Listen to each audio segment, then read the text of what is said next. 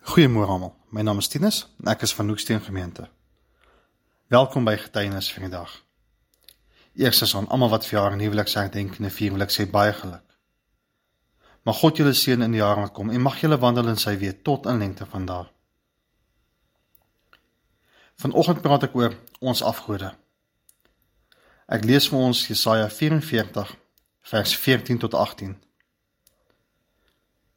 Die ambagsman kap vir hom seders af. Of hy kies siperse of eike en laat hulle groot word in die bos.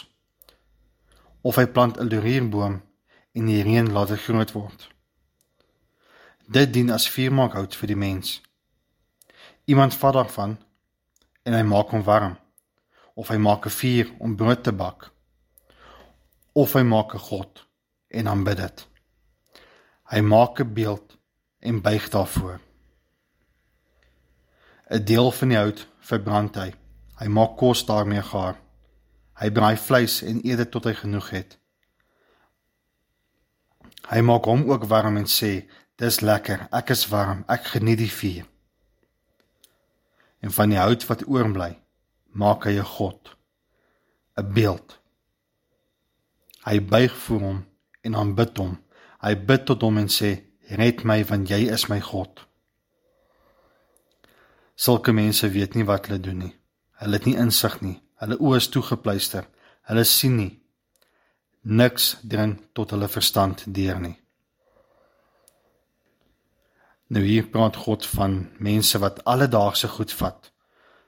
Soos hout, staal, goud ensovoorts en vir hulle 'n god maak om voor te buig.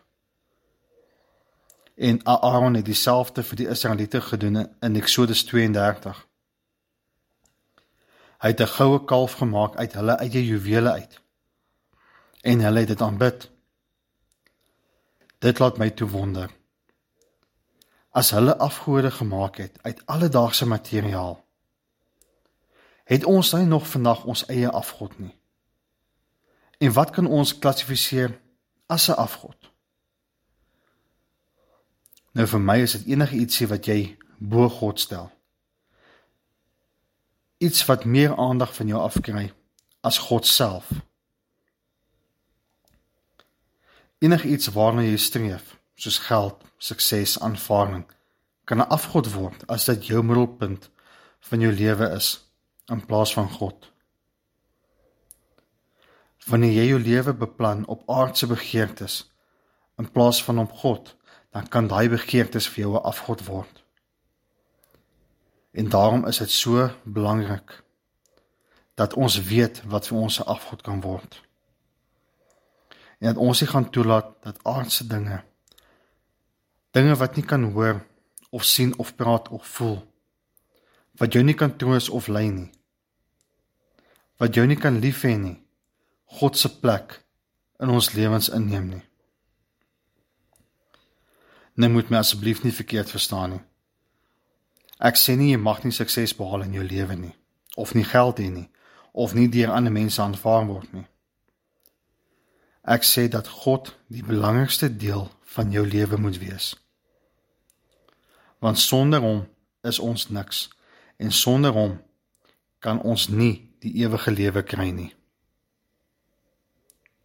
Ek lees vir ons nou 1 Johannes 5 vers 20 en 21. En ons weet dat die seun van God gekom het en ons verstand gegee het om die ware God te ken. En ons is in die ware God in sy seun Jesus Christus. Hy is die ware God en die ewige lewe. Liewe kinders, bly dus weg van die afgode af. Kom ons begin vandag deur te weet dat slegs die Here ons God kan wees dat hy ons begin en einde en ook ons middelpunt moet wees. En kom ons bly weg van afgode af wat ons van hom af gaan weghou. Mag 'n lekker en 'n geseënde dag verder hê.